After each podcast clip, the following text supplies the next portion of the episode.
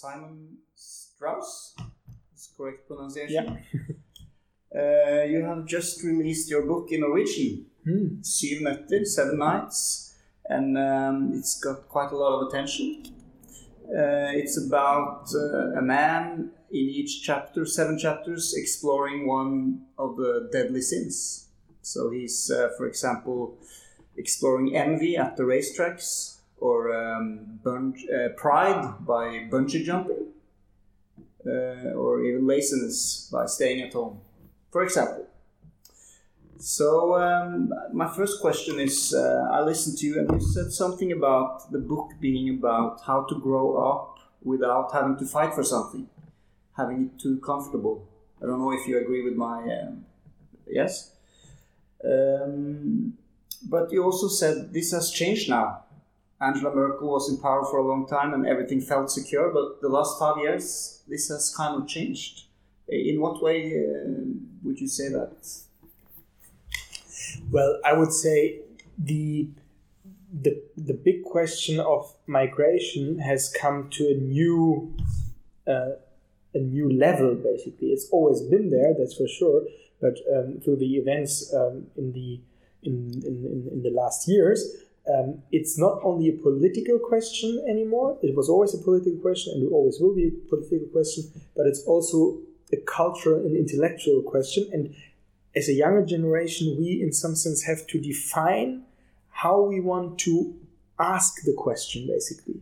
Only in the political institution question, borders, no borders, or do we tackle the problem in there um, in, in, in some sense more under the question of what are the cultural impacts we have through migration and what are the positive sides of migration and how can we as um, confident um, um, human beings of the 21st century in Germany or Europe throughout learn a little bit from uh, intellectually from the um, from the migration of people and also migration of ideas. So when you think, for example, I'm always very interested in religion. What does that mean? Religion as a new is a new wave of religion coming to Europe, and we have to look at this also under um, intellectual. It's an intellectual question and a very interesting intellectual question. How do we deal um, with the return of religion, for example? So this is why I would say I wouldn't I wouldn't write the book the same way I did. No? Because now uh, things have changed, and my urge for seriousness, for example, um, is now somehow answered. I mean, people are very serious right now talking about Oh, the present. You know, irony has not really. A, um, you know, when you talk about migration questions, you don't, you can't really use irony. You know. Yeah, because you, you also said your book as a kind of opposition to the ironic uh, tone. Yeah. You, you feel that that has been kind of answered in, in the I, culture? I just feel that there's a huge fatigue now in um, in the cultural sphere. I'm just talking about the cultural sphere with the, with iron- irony because it's been there for the last 20, 30 years. Um, irony has been there, and not only irony. Irony in itself is a good thing, but for me, irony turned to cynicism. You know, when it's got, becomes cynical, then um, it's a harmful thing for a society of thinkers. You know, um, and uh, yeah, I experience in the younger generation now as well, like a huge urge, uh, a huge um, urge for uh, seriousness and uh, also uh, sensibility. Sensitivity. Yeah. So in your book, uh, the the narrator he is um, longing for a lot of things. He's longing for feelings to feel stronger. Um, but uh, why is that so important to, to feel? You think? Uh, why is it important for him? I would say to, in order to get to know yourself, who you are, you need in somehow the experience from the outside, a, a challenge, um, in some sense, a condition which changes, changing conditions are the best moments to experience who you are inside. And literature, at the best, I think, is when it tells you something in a language which is not secure but is trying to talk about the feelings of the inside you know so um, in this in this sense feelings are key for literature because literature is the only way language to get to know to these mysterious moments of feeling, you know, because you can't explain it academically. You need literature, you need cultural awareness for feelings. And, um, and feelings is, you know, we talk about feelings like if they were so easy, you know, feeling someone is angry, someone is happy. No, I think feelings in this way, I'm a little bit reintroducing the romantic theory of feelings. It's very, very complex and very necessary to put it at the same um, complexity level as ratio, you know. Pathos and ratio are on the same level in antiquity, and um, and we have lost it a little bit. We just focus everything on rationality and functionality and technology and all of it. Yeah. But the emotions and feelings are very much uh, interesting as a complex subject as well. So um, we read in Norway about uh, the German literature scene about um, neo-romantics, but also about the ultra-romantics. what, what is this? Is there like another uh, group who is taking it even further, or uh, Is there? Are they still existing? I don't I know. don't know. I don't know. And there was, um, you know, there was a small group of people who's who were doing a literature magazine or something, um, and they were first f- my friends. They wanted to be my friends, and then they split up and um, used other people against me. So, there was really a fight um, over the word romanticism, basically, and they used the word romanticism. When I co- remember correctly, it's so long ago now for me, and I never heard of them again. I don't know if they're still existing. okay? I think they just uh, they used romantics as the selling uh, device. You know, it sells good romantics, uh, romantic movies, but romanticism also in the terms of you know we can pretend to be romantic. Yeah. I don't know. Um, that, I, I was never interested in the you know the colloquial connotations of romanticism, but I really wanted to, and I still do, look at what romanticism as a theory uh, what it means as a theory. So um, the the incredibly interesting idea that everything has an individual right. You know, the Romanticism movement, when you look at anything about nature, they projected individualism to everything. So all the trees, all the landscape is has an, an own I, you know, has an own uh, an, an bewusstsein, a consciousness. And, and that is interesting today when we talk about a society which is so interested in therapies, so therapeutical society. You know, everyone's doing yoga and is pretending to be um, looking for the inside. But the romantics had it all, but on an intellectual level, not on a yoga level, I would say. Okay. Uh, so um, language is important in this book. Um, I was I would like to talk a little bit about your style.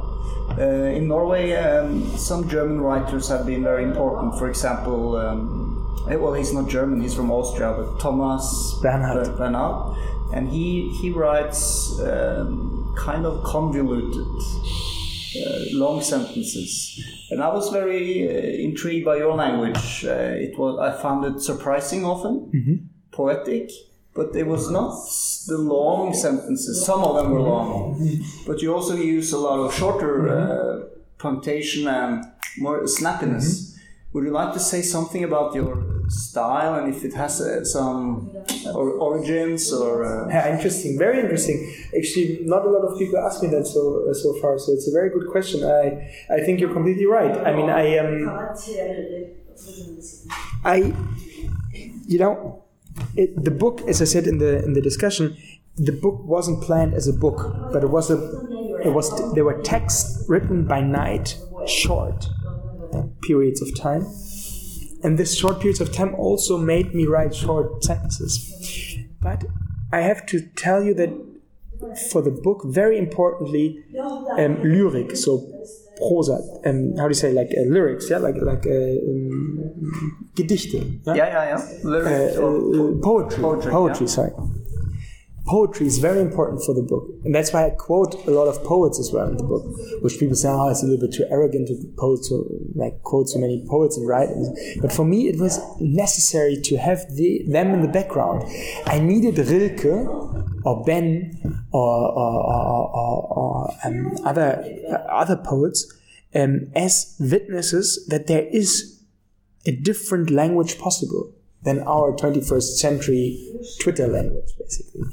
Uh, the book is obviously not written in a way people write or talk today colloquially. It tries to conserve a little bit the, the, the sound of words and it trusts words and it also trusts short sentences. But I would say you're right when you refer to Bernhard, the quality of an author you can actually um, define when he is capable of writing long sentences because that is the most difficult um, to, to get good length long sentences. I'm a starter. I started okay. so I started with short sentences, which I feel uh, they're right. You know, it's in my new book, which comes out in, now in, in summer in, in, Germany as well. It's also a lot of small sentences, and for me, they reflect in some sense better my initial in, in intuition, in, intuition, uh, um, and I because you know I don't write a novel. I write autofiction. I in somehow mirror the, the language mirrors really something um, which I feel, and um, so I don't not in the sense of Thomas Mann or whatever. I don't um, you know uh, write sentences uh, in the way of a, a, a theory or whatever. I don't I don't design them. It's more like this you know, it's uh, it, it's a little bit more maybe like a, like poetry. Yeah, where, where it's important to have the right word at the right moment. So a lot of writers would like to differentiate between the person in the book and the mm. writer himself. That's not so important for you, or no? It's not so important for me, and I can't really hide too much uh, behind my protagonist. I always said it's like whatever seventy-two percent um, of it is me. I mean, there is really. Um, an auto-fictional auto-fictional uh, yeah. movement in the book and a lot of these questions uh, which which are deal, dealt with I had at the time not now maybe anymore but it was really it helped me as a person also to write it. Mm. Was it? So you, you you got some tasks from the editor? Yeah. Go here, visit go this place. Yeah. Just one uh, text message basically. Go there. Punkt. Like yeah. uh, he he prepared basically the locations for my experiences. So how long time did it take from you from getting a text until you actually were? He always sent me the text maybe in the afternoon or in the morning, morning, midday, yeah. afternoon. And I, because at the time I did my PhD, so I sat at the library anyway all the time. Uh, yeah. and, then, uh, yeah, and then I went there and uh, experienced. Same yeah, same day. Yeah, oh, okay. experience. No, it was it, the, the the game was really um, out of the blue, basically, and uh, and also writing at the same night. So I experienced, and then I almost looked on the watch. Okay, oh, fuck, I have to go back and write. But it was for me, you know, I said before, it was an escape. To write this way was an escape from academia as well. I wrote my PhD at the same time during the days. I sat there, read thousands of horribly written academic history books, and did myself thousands of footnotes and these nights were like an it was like a liberation for me yeah. to be able to write. I remember when I wrote the first when I wrote the first text, it was really I was oh, I feel so, so relieved afterwards. Like, okay, this is also possible. I'm not just bind to university. I can write this way as well. Mm. You you uh, you didn't really want to write the book. No, so it was you needed a game or a... yeah, a trigger basically. Yeah. I needed a trigger. But did you find a trigger for your next book, or is that yeah. more like a book? The next book, the trigger for the next book is Rome, the city itself. Yeah. I always wanted to go there. I mean, I studied Rome, history, ancient history, and for me it was always a dream place somehow. Um, and and yeah, I went there, and again, this time there was no one else, but it was just the city and me. So that's why I, you know, I um, dedicated the book also to the city, Rome. It's for Rome. The book I wrote for Rome because it was so for me. I got so many um, inspiration by just walking through the streets, meeting Roman people, looking, imagine what these people I saw on the streets would have for life and stuff like this. You know, I. Um, so there was no game anymore. But uh, again, I wrote a lot in the evening. You know, I had my, you know, I went to language uh, school and I discovered the city. And then in the evening, I sat for two, three hours and, and wrote. But now, obviously, the new book is called. It's it's really a design book basically. Yeah, so it's like. Yeah. It's in the. I think it's in the first chapter of this book. It says, "I will go to Rome." Yeah, yeah, exactly. later." Yeah, yeah, exactly. I didn't. I, I yeah, I read this um, a couple of. Uh, yeah, I just noticed that now that in the book there's actually the promise of it already. But like I said, I, since I was at school, Rome was for some reason my my destiny. Yeah. Uh, did you get tangled up in a debate about right wing politics or something like that? yeah, yeah. What was that like, and what happened? that has uh, it's a bit too complicated to just come from the book because obviously the book has um, some issues in the book are debatable when you want to call it what is the political stance of it. The book questions liberalization um, in some sense you know? It asks the question if it's only good to have liberalized liberalized world where you have free markets and free everything is free free free and you don't have um, fighting uh, you know you don't have fighting walls anymore when everything is liberalized. And obviously this is a provocation to um, to the moral left when you want to call it like this. But that was not all of it. They were also referring to some texts i wrote for the newspaper i work for um, which were which which asked the question specifically about the impact of immigration on the rural areas and how how this um, uh, impact could be also uh, criticized maybe you know. So there were a mixture of a couple of different things you know um, which led to the debate and then obviously the book was a little like it was unseen a success so first people were like criticizing it in the literary way, and then for the second round they used politics to again criticize it.